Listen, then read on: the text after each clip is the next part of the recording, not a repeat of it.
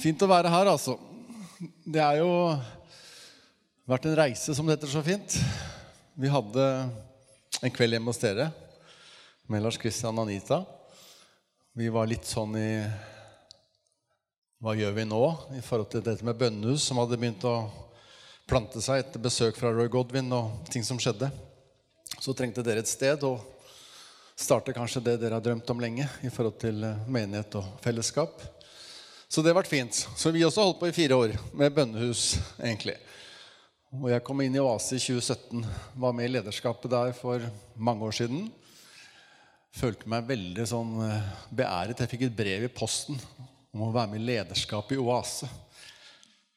Det var den tiden de satt opp på scenen. Ja. Og jeg tenkte at jeg er ikke en av de, altså. Nei. Så på første lederskapsmøte så sa jeg at jeg har egentlig ikke lyst til å si har ikke lyst til å sitte oppå der. Nei. Så det, jeg fikk gjennom den, så da blei det ikke det. Så jeg har aldri sittet på scenen, heldigvis. Det, men det var en veldig læringsarena for meg å få lov til å komme inn i lederskapet der. Og, og barna Jeg har tre barn, to jenter og en gutt. De to jentene de fikk et møte med Den hellige ånd som barn. Når du blir fylt av ånden som barn, så glemmer du det aldri. Så har vært fantastisk viktig for vår familie. Også med Tenn-Oase, ikke minst. Der blir det frelst ungdommer hvert år. Og når det var veldig usikkerhet med om det skulle være Oase til sommeren i fjor, så talte Gud til meg i november at Eivind, slapp av. Det, det blir Oase. liksom. Men det var ikke lett å holde den, selv om jeg hadde Gud hadde talt til meg. Så er det ikke så lett alltid å gi det videre til andre. Så tenkte jeg hvis det kommer 20 ungdommer, og det er ikke lov til å være mer enn 20 eller 50 eller 100 disse tallene ikke sant? Dere husker den tiden? Det er ikke så lenge siden. Så drar jeg til Fredrikstad. Altså. Vi kan ikke ha to år uten tennoase. Det er faktisk det viktigste. Barneoase og tennoase. Selv om det er voksenoasen som får veldig oppmerksomhet i forhold til det. Så det er egentlig litt sånn det jeg har drevet med. Um, uten å ha vært i K5 i 36 år og fått lov til å egentlig jobbe med det som er uh, de to viktigste tingene. Å si. Var for meg i hvert fall. Det var fotball, og det var Jesus. Og da få lov til å jobbe med det, det var så gøy. Så jeg prøvde å ta kristendom grunnfag. Det klarte jeg etter to forsøk. Og så begynte jeg på mellomfag, og så het, som det het den gangen Nei, jeg jobba jo hele tida, så det var egentlig bare tull. Og, ikke tull, da, men i hvert fall så, så ble det bare jobb å få lov til å egentlig jobbe ut ifra det som har vært hjertet mitt. da. Så jeg er veldig takknemlig for det. Så jeg tror jeg ville gjort det samme om igjen. Jeg får noen spørsmål, Hva, hva ville du gjort hvis du fikk livet om igjen? Ikke til dere som er 22, da, for dere er liksom litt der, men dere som er litt eldre, hadde gjort det samme. Det er ikke sikkert, men jeg tror faktisk det. At jeg hadde gjort akkurat det samme. I forhold til jobb, da. ikke sant? Det er sikkert andre ting, men i forhold til liksom kallet og sendelsen, så tror jeg faktisk det. Og så var det dette med bønnehus, da. Og så leste jeg boka til Roy Godwin. Mange som har hørt om Roy Godwin eller lest noen bøker? Ja, det er ganske mange. Jeg satt igjen etter å ha lest 'En strømmer av nåde og velsignelsens vei', de to bøkene. Så følte jeg Gud sa til meg, 'Eivind, kan du velsigne?' Det må jeg kunne klare, tenkte jeg. Ja, Så jeg svarte ja. 'Eivind, kan du gi meg plass?' Eller kan du gi Den hellige ånd plass? Ja, det kan jeg prøve på. Så det var egentlig bare de to spørsmålene. Og så samla vi noen fra Vase, noen fra Oppsal menighet. Vi starta sammen med Oppsal menighet og sognepressen der. Og så skulle vi egentlig bare ha et møte for å spørre Gud sammen. Skal vi starte bønnhus, eller er dette noe fra Gud? Eller, vi var der. Og Så satt jeg hjemme i stolen min og skulle forberede det møtet, som egentlig var veldig lite som skulle skje. For vi skulle bare egentlig søke Gud. Men så var det det ordet fra Jesaja 61, som også da Jesus gjentar i Lukas 4, om Herrens ånd er over deg. Han har salvet deg til å forkynne et gledesbudskap. Og så var det akkurat som jeg hørte den stemmen Nå er min ånd over deg, Eivind. Så sa jeg ja, han er jo alle. Akkurat som så ble en litt strengere. Eivind, hør etter. Nå er min ånd over deg. Så gikk jeg egentlig bare med det til det møtet i Søndre Skøyen kapell. Og var på en måte åpen. Og så så jeg en dame som satt og noterte, da, mens en som heter Ronda, talte litt og skulle liksom hjelpe oss litt inn i tankegangen. Og så så ut som hun hadde veldig vondt i ryggen. Hun satt sånn krøka. Liksom. Og det hadde altså. Men jeg tenkte her er det håp. Her sitter en gammel dame og fortsatt noterer. Aldri sett henne før. Og så var det litt sånn kaffe etterpå, så kom hun bort til meg og sa at eh, Herren talte til meg. Jeg skulle si én ting til deg, venn. Herrens ånd er over deg. Da starta jeg bønnhus. Det tok ett sekund. For da skjønte jeg at dette er, dette er noe som du har, Herre. Dette er et redskap. For jeg er liksom ikke den som driver bønnehus, altså. Nei. Kona mi har vært bedre, og ganske mange andre damer spesielt har vært mye bedre å drive bønnehus enn meg. Det har ikke vært liksom Yes, det er det jeg vil i livet. Jeg driver bønnehus. Jeg har ikke vært så god på å be. Syns kona mi alltid var bedre. Hang litt etter, kan du si. Det er noen menn som kjenner seg igjen der. Men Roy Godwin i forhold til han fikk også den at han skulle starte et bønnested eller et retreatsted langt opp i heiene i Wales. Og så gjør jeg ikke det før du kommer med din kraft, tror jeg han sa på en eller annen måte. Og det tok et halvt år, altså. Og så kom det, og så starta de i 20 år. Holdt på 20 år. Tusenvis av mennesker fra hele verden kommer til et bitte lite sted langt oppe i Wales. Hva er det som skjer med det? Så det ble jeg jo interessert i, da.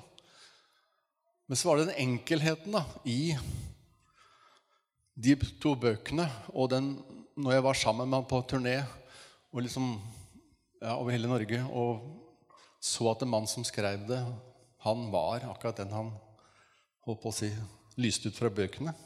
Det er ikke alltid det er sånn. Men for han så var det så integrert. Så han snakka om det å velsigne. da. Det er ikke bare en sånn greie, men det er en livsstil.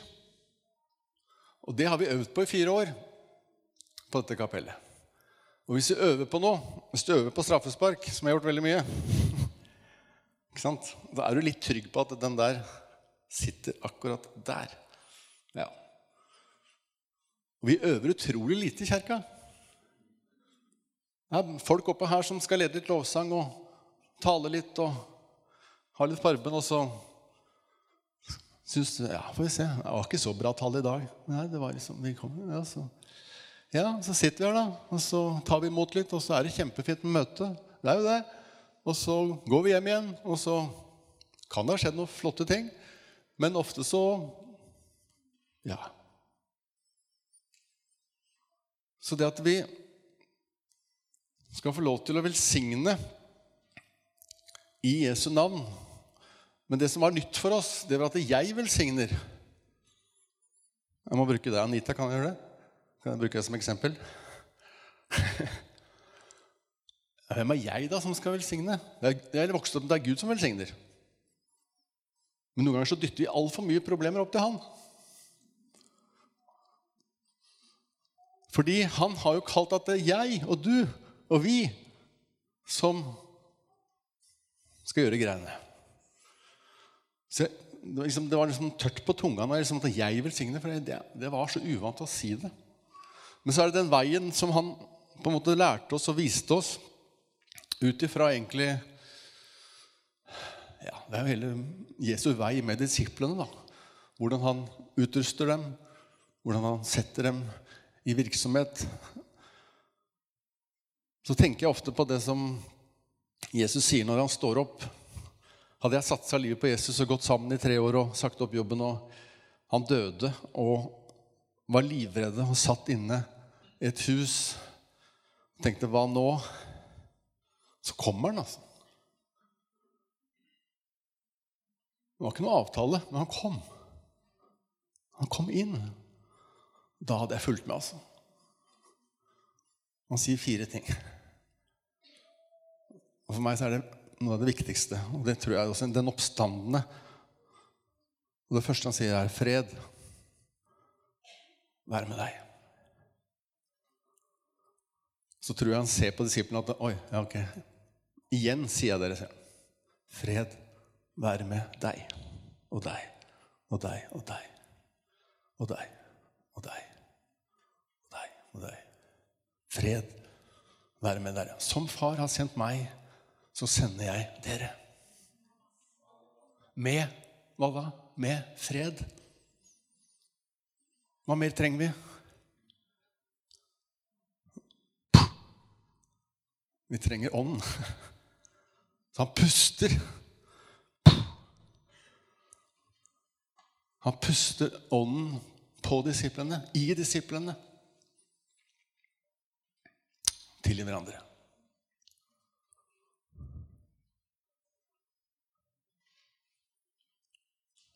Fred. Jeg trenger det hver dag. Jeg, jeg elsker fred. Jeg. jeg elsker fred. Ikke bare blant kona mi og barn og jobb og Nei, jeg elsker fred. Ok, send meg. Her er jeg. Send meg. Men først må jeg ha en dose av Din Hellige Ånd. Så kom Hellige Ånd. Det ber vi hver tide med på kapellet. Vi har tre tidebønner gjennom hele dagen. Kom, Hellige Ånd. La oss ta imot din hvile. Det er ofte jeg stille et halvt minutt, et minutt. For det vi de fleste av trenger, egentlig er hvile.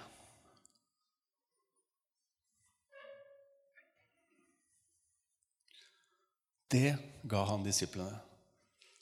Den oppstandende. Og det samme gir han til deg og meg. Hver dag. Hvert minutt av din tid. Hver en dag i ditt liv. Hver dag så trenger jeg disse tingene. Og jeg trenger tilgivelse. Jeg trenger disse fire tingene. Og så istandsetter Jesus disiplene. Og så er det Lukas 24 når han på Kristi himmelfartsdag går opp. Jeg syns han gikk veldig tidlig. Jeg vet ikke hva disiplene tenkte. Nei, stikkerne går nå igjen. Og står det 'mens han velsignet det'. Mens han gjorde det. Mens han praktiserte det han talte om. Mens han velsignet det. Da gikk han opp til far. Og Hva var reaksjonene til disiplene? De var ikke redde lenger. vet du. Så glade gikk de tilbake i tempelet og lovpriste Gud og bønn og lovsang. De hadde fått Den hellige ånd. De hadde fått det de trengte. De hadde fått det fra Jesus som gjorde at de hadde freden. De hadde sikkert med seg tilgivelsen. Og de hadde med sendelsen fra han som sender de ut, og har lovet å være med de hele tida, når som helst, til hva som helst. Og sånn sendte han de også ut i Lukas 10. Han sendte to og to. Kunne sagt mye om det. Der ligger det utrolig mye. Jeg jobba altfor mye aleine. Hvis jeg skulle gjort noe om igjen, så skulle jeg jobbe sammen med en annen. På hvert eneste møte, hvert eneste arrangement, hver eneste greie. Jobba altfor mye aleine. For to år siden, når vi ikke fikk lov til å ha oase, fikk jeg vel en visjon fra Gud om å dra på turné og reise ut i landet, og så skjedde det. Og så hadde liksom fått, fått til at vi skulle gjøre det. da. Men så tenkte jeg jeg orker ikke å dra aleine. På disse ti stedene jeg skulle liksom hver dag. og Jeg har aldri vært på turné før, men det er ganske slitsomt, egentlig. Antageligvis. Det var min første reis på turné. Og så tenkte jeg har jeg noen venner? Hvem skal jeg be med meg, liksom? Det er et godt spørsmål. altså. Jeg har mange venner, men har jeg egentlig en skikk altså Har jeg en som kan bli med meg på dette? Så ringte jeg Roar i Kragerø. Så tok han en time, og så sa ja, jeg blir med. Så starta vi Kragerø kirke, første stedet. Folk kom fra alle typer menigheter. Alle sju menighetene i Kragerø gikk sammen om oasemøte. Jeg tror ikke det har skjedd i Norge noen gang. Alle og det har vært mye splid i Kragerø. altså. Og jeg elsker Kragerø. Jeg har vært der flere ganger. Og velsigner de. Og det var et fantastisk møte. Fordi kristne så hverandre veldig uenige med hverandre. Men de var jo i samme rommet. Og de ville ikke gå hjem.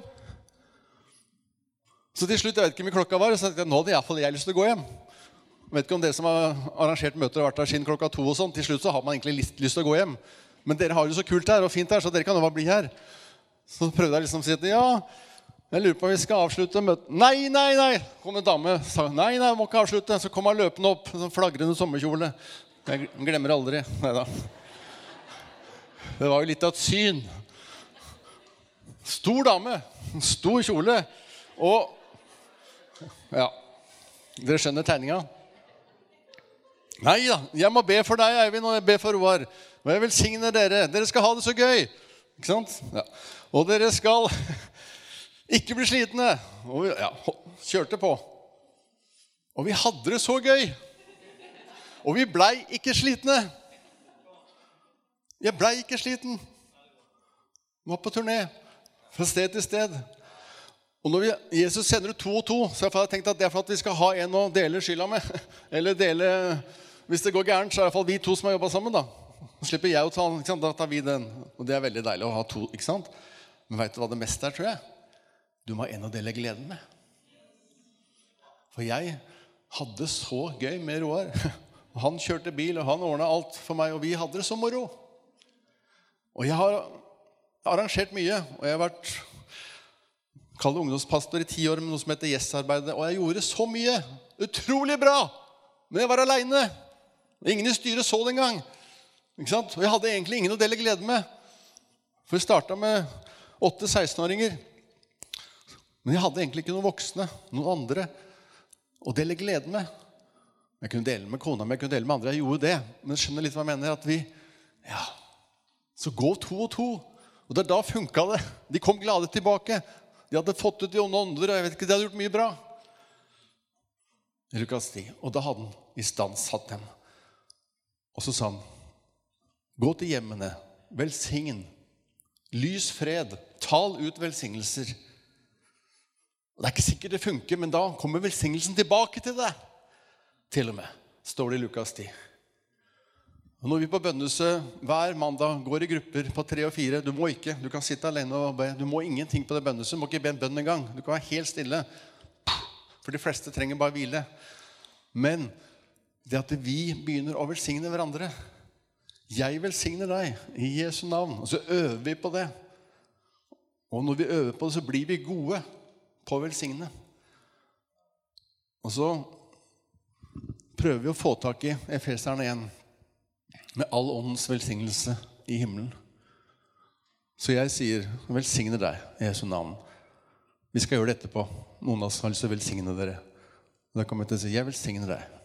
Kan du si navnet ditt, og så spør om å legge hånda på deg. Du kan svare en ja og nei. Og så er bare jeg litt stille. Jeg er litt stille. Og så spør jeg Hellige Ånd, kom med et eller annet. Og så er vi litt stille, og så øver vi på å hente vet du, all åndens velsignelse i himmelen er tilgjengelig døgnåpent. Og Gud har sagt til meg noen ganger at her er det fullt. Det er overfullt oppi dette lageret til Gud. Det er så mye velsignelse å hente. Det er vår erfaring. Hvor mer vi åpner for det, hvor mer blir vi velsigna. Og Jeg har aldri blitt så lite sliten i tjeneste. Jeg har vært tjeneste i mange år sammen med Gud. Og Det er sikkert fordi jeg har lært litt, men det er først og fremst fordi jeg blir velsigna hver mandag, ofte tre ganger. Det gjør noe med meg. Jeg får synge lovsanger tre ganger. Jeg får lov til å være et sted hvor det er god tid. Og jeg leder lovsang, altså. Det står ikke på plakaten, kan du si. Nei. Hvis Anita leder lovsang, da, jeg, da er det på plakaten, altså. Eller hvis det andre. Men det kan ikke være så vanskelig for at Den hellige ånd skal komme. For når jeg står der, så står jeg i hans nærhet. Jeg er ikke sikker jeg alltid føler det, men jeg gjør det. Jeg praktiserer det. Jeg velsigner.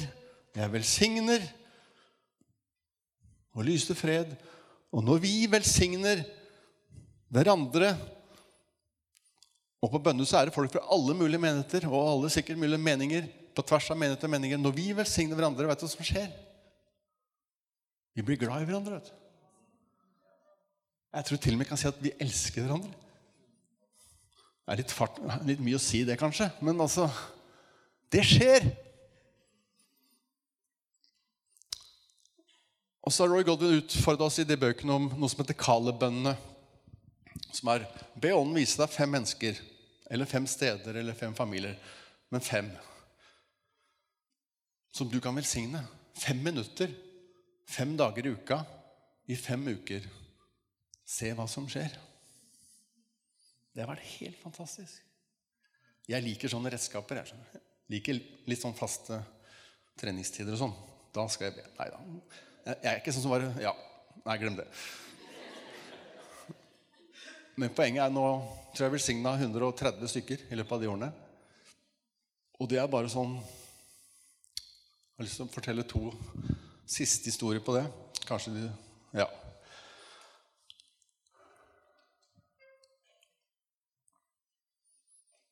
Og det er mange historier, mange ferske vitnesbyrd fra de av oss som har gjort det. Velsigner i familien, konflikter på jobb. Du var inne på det med vitnesbyrdet ditt. Det er akkurat nå det samme. At vi Og da er det kallebønn sånn at hvem plasserer Gud foran deg i dag som du kan velsigne? Ofte det å være evangelist eller vinne folk for det kan være slitsomt. Og det er mye egen kraft. Ofte. Mye egen greier. At de skulle ha fått til mer. Skulle bedt mer. Skulle gjerne sett mer. Ja, vi er enige, alle er enige i det. Men likevel, hvor kommer det ut ifra? Ut ifra en hvile. At hvem plasserer Gud foran meg i dag? Som jeg kan bekrefte, som jeg kan velsigne, som jeg kan fortelle evangeliet til, som jeg kan invitere inn i mitt hjem eller i min menighet. Og når jeg ber den bønnen om morgenen, så er det akkurat som jeg er mye mer åpen for hva skjer i dag, da, Gud? Det står noe om at vi skal gå i ferdiglagte gjerninger. Et eksempel rett nedfor her, på trikken. På morgenen tok jeg trikken opp fra Eikeberg, som jeg bor, og til jobben her, som jeg jobber her nede. Så satt en gutt foran meg og så litt bekymra ut. Så var det en muslimsk dame ved siden av. Og så, så bare tenkte jeg Han sitter jo foran meg. Kanskje Gud har plassert ham foran meg her. liksom. Og så hva, skal du for noe? Du ser litt lei deg ut, sa jeg. Ja, jeg skal på Ullevål sykehus, da. Og så, og vondt i begge knærne. Og skulle jeg også Så jeg på moren, da. Og så er det greit at jeg velsigner han, sa jeg. Ja, ja. Det, det var greit. Men legger jeg hendene på knærne hans. Så velsigner jeg han. Det sitter en dame ved siden av meg. Jeg bare velsigner han. Ikke kjempehøyt. Men ikke kjempelavt heller. Det var liksom velsignelse. Han ble så glad. Hun begynte å grine. Jeg vet aldri hva som skjedde med hun. For da skulle jeg gå av på Holbergsplass her. Men hun fikk det med seg. Det har vært veldig gøy å høre hva, hva hun fikk ut av det. Men det bare skjedde der. Og Etter jeg kom inn i Oase i 2017, så fikk jeg en eller annen frimodighet på nytt til å Jeg jobba med en bok over mange år i veldig rykk opp napp. Jeg ønsker å skrive en, bok om, en enkel bok om Den hellige ånd. Som egentlig mine venner i Vålerenga og Lillestrøm skal få lov til å lese, jeg. Og um, de som er kristne og ikke har fått dette møtet med ånden. Og det er mange kristne som kommer til meg og jeg har aldri egentlig fått tak i dette med Den hellige ånd. Det er så mange. Så ja, du er ikke aleine hvis du kjenner deg der. Så jeg har hatt behov for eller prøvd å, å gjøre det, da. Og da fikk jeg frimodig gå egentlig rundt i Vestingsvingen, der hvor jeg bor, oppe Ekeberg, til konas store fortvilelse. At jeg skulle banke på dør, og så skulle jeg liksom Altså banke på naboer som du har hilst på i 20 år, og noen du ikke kjenner, og noen du kjenner godt. og sånn, Det var liksom litt over hennes uh, Men du er litt mer evangelist, da? Ja, men i hvert fall så gjorde jeg det. For jeg ville ha litt autentiske svar på Jeg har to spørsmål, sa jeg. Det var ikke sånn Jehovas vitne at jeg sånn Ikke, ikke altså, det, Jeg gjorde ikke sånn, men jeg sånn du, jeg jobber med et bokprosjekt. Egentlig veldig bra innledning. Jeg jobber med et bokprosjekt. Det er, det er de interessert i. tok en liten, liten kunstpause der. For da har de liksom Ja, men det er jo interessant. Uh, jeg har to spørsmål til deg. Hvorfor feirer vi pinse i Norge? Og hvilket forhold eller har du hørt om Den hellige ånd? Og I løpet av den uka så jeg, ringte jeg på åtte steder, og jeg kom inn i sju av de, og fikk en time på alle steder og fikk kaffe. Og fikk autentiske svar. De har ikke peiling!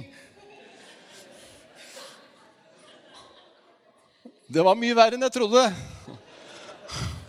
Og det gjør at jeg har enda mer guts for å skrive den boka. Men i hvert fall så var det noen naboer da, som er 80 år og har sunget salme på barneskolen. og vært de, lever som kristne. Jeg tror ikke de har gjort noe gærent. Jeg, jeg har ikke sett dem de har gjort noe gærent i alle år jeg har bodd der.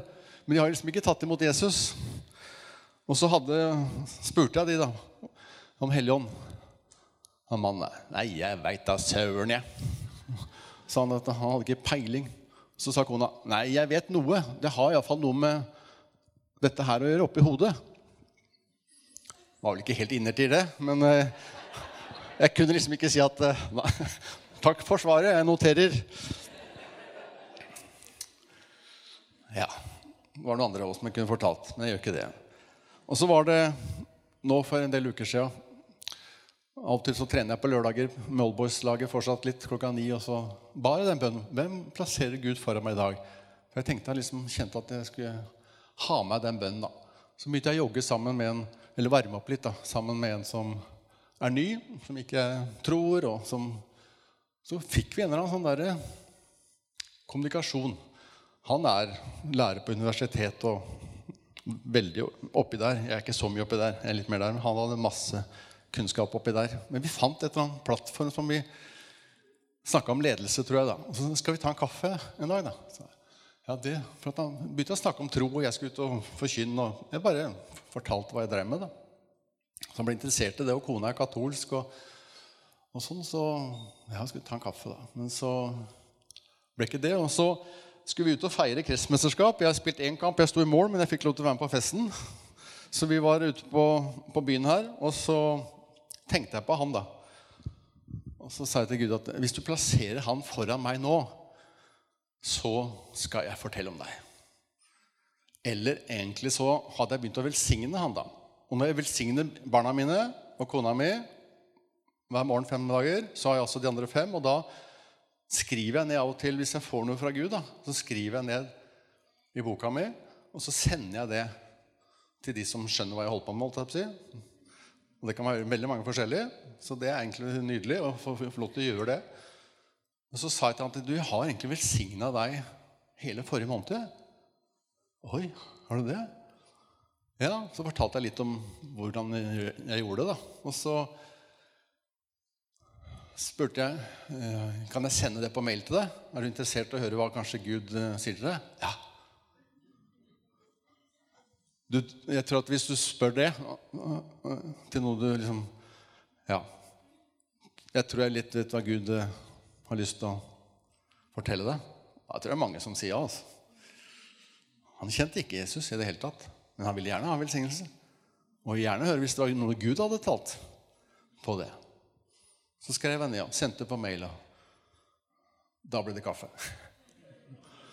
Rett bortpå her, og så en lunsj. Og så ja, Hvordan kan du vite alt dette om meg? Ja? Så han ble jo så møtt. Du gikk jo rett inn i livet mitt. Er det mulig, liksom? Så du må komme hjem til meg og kona. Men så kom pandemien, det har ikke vært enda, men det skal jeg gjøre. Men det å velsigne, lytte til Gud, velsigne ved det også Gud gir oss i bønn, i fellesskap, eller på den måten jeg gjør det, da. Jeg skal ta den siste, egentlig, som heter Jeg vil ikke si hva han heter. Han har vært på vokste opp i Koffa, i K5-kameratene. Og så hadde vi hatt ute på sommerleire. Der synger vi om Jesus og forteller om Jesus hvert år. Der har jeg vært i nesten 40 år. Så var det en liten gutt da, som satt, hadde litt briller og han var ikke sånn veldig utafor, men han var litt spesiell type. da. Men i hvert fall så husker jeg at han knytta seg veldig til meg. Han satt liksom på gulvet ute. da. Eh, og var veldig sånn kontaktskapende. Jeg var kanskje åtte-ni år eller et eller annet. Og så hadde jeg andakt, og så plutselig var det helt stille. Da er det 60 barn og 30 voksne der. Og helt stille, og så sa Eivind, når jeg er på Lunde, så blir jeg mer og mer kristen. jeg». Og det hørte alle. på en måte.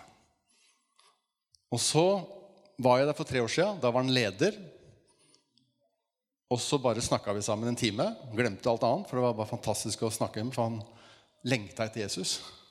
Han ville være en kristen. Jeg inviterte ham på alfakurs, men han kunne ikke, og sånne ting, så hadde jeg ikke hørt fra han. Så fikk jeg en messenger for fire-fem uker siden om at han ville ha noe råd i forhold til en jobb han skulle holde på med. Og da hadde akkurat jeg velsigna han. Så sa jeg akkurat det samme. Ja, men du, jeg har egentlig ja, velsigna deg hele forrige måned.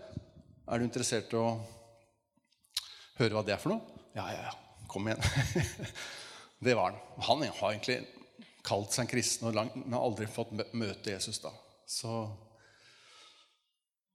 så var det det samme historien. Ja, dere skjønner tegninga. Fikk jeg en uh, melding annen påskedag. Jeg har sett lyset. Så fortalte han om et bilde. Skrev det på Messenger. Og så ah, Jeg ble helt satt ut når jeg tenkte på det. Og så kom Jesus. Kan ikke ta alle detaljene på det, men i hvert fall så, så skjønte han at nå er livet forandra. Det kommer til å være forandra resten av livet. Så det å velsigne Og jeg hadde en samtale med han, og han var på bønnehuset på mandag. Jeg inviterte han dit, og han syntes det var skikkelig kult. Det er ikke veldig kult på bønnehuset, altså, men han syntes han syntes det var skikkelig kult å se meg i aksjon. og det vi og, ja. Fikk fortalt vitnesbyrdet sitt til lederne før vi skulle inn. og Han skal komme igjen på bønnehuset. Så det å velsigne David gjorde det. Jeg velsigner Herren. Bless the Lord. Salme 103, Salme 145, Salme 100 det, ja, Han gjorde det. Og så skulle vi ha en sånn type velsignelse skal vi i Nordstrand kirke, kirken den norske, sammen med sogneprest. Og så skulle vi ja, fra Oase bønnehuset ha vår del. Og så gikk hun skikkelig grundig til verks. da.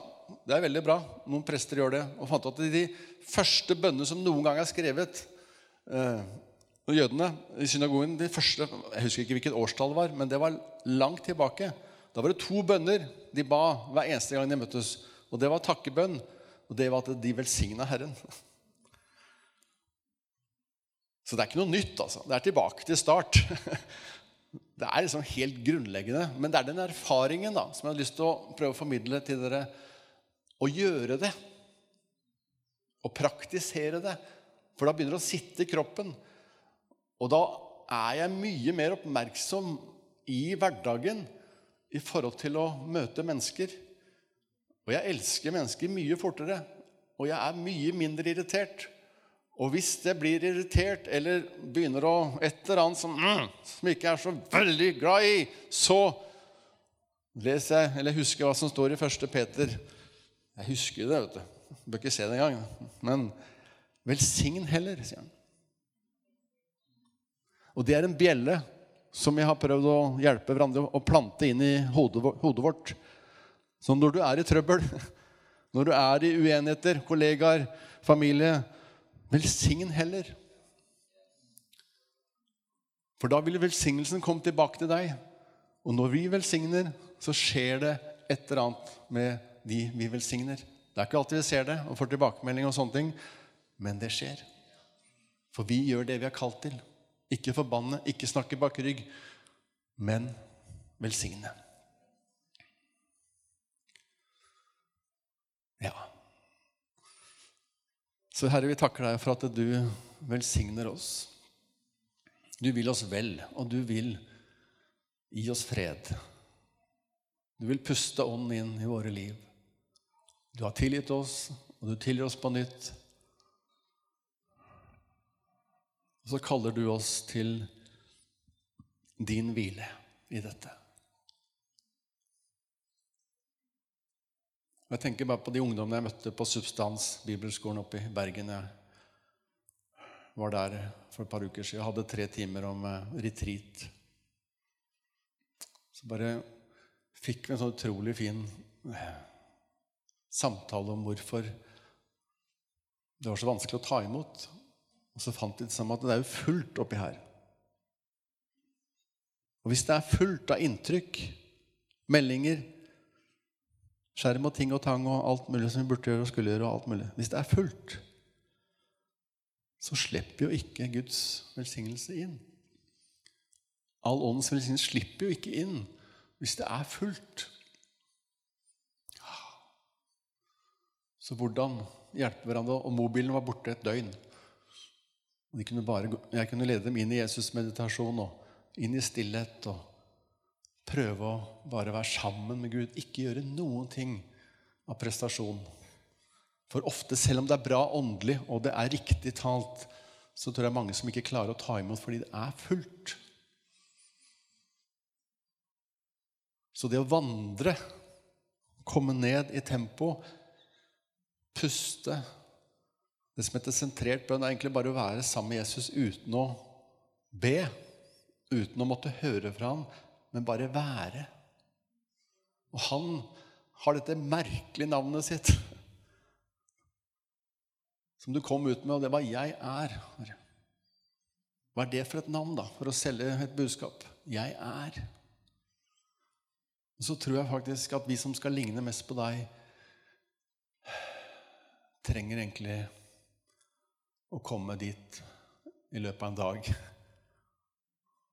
at jeg bare er. Jeg også, Gud. Jeg vil ha det navnet. Jeg vil ligne på deg. Jeg vil bare være Eivind. Jeg er ikke daglig leder i Oase. Jeg ikke, er ikke leder av Bønnehuset. Jeg er bare Eivind. For når vår identitet er til jobb og utdannelse og det vi får til, og det alle folk ser, så holder det ikke. Men at jeg er i din nærhet sammen med deg, det vil alltid holde. Det kan ingen ta bort fra meg og deg. Så la oss få lov til å Kjenne at vi bare kan være hos deg. Og gi deg den tiden som du lengter etter til barna. Kanskje noe av de beste øyeblikkene av barna er bare når vi ikke gjør så mye, bare er sammen. Og jeg tror du lengter etter det, Gud, at vi bare er sammen med deg.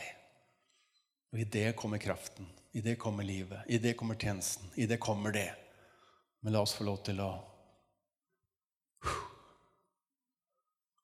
slippe alt ned til deg. Så kan ikke vi bare være stille nå et lite minutt eller to, og så kan du bare kjenne at du kan få lov til å slippe. Kan gjerne be hvis du kjenner på at er noe du ønsker å slippe. På retreat du, er det noe du ønsker å legge igjen her i dag. Hva er det du ønsker å legge igjen og ikke ta med deg videre? Så la oss bare være stille, og så kan du ha med deg den lille bønnen inn et par minutter.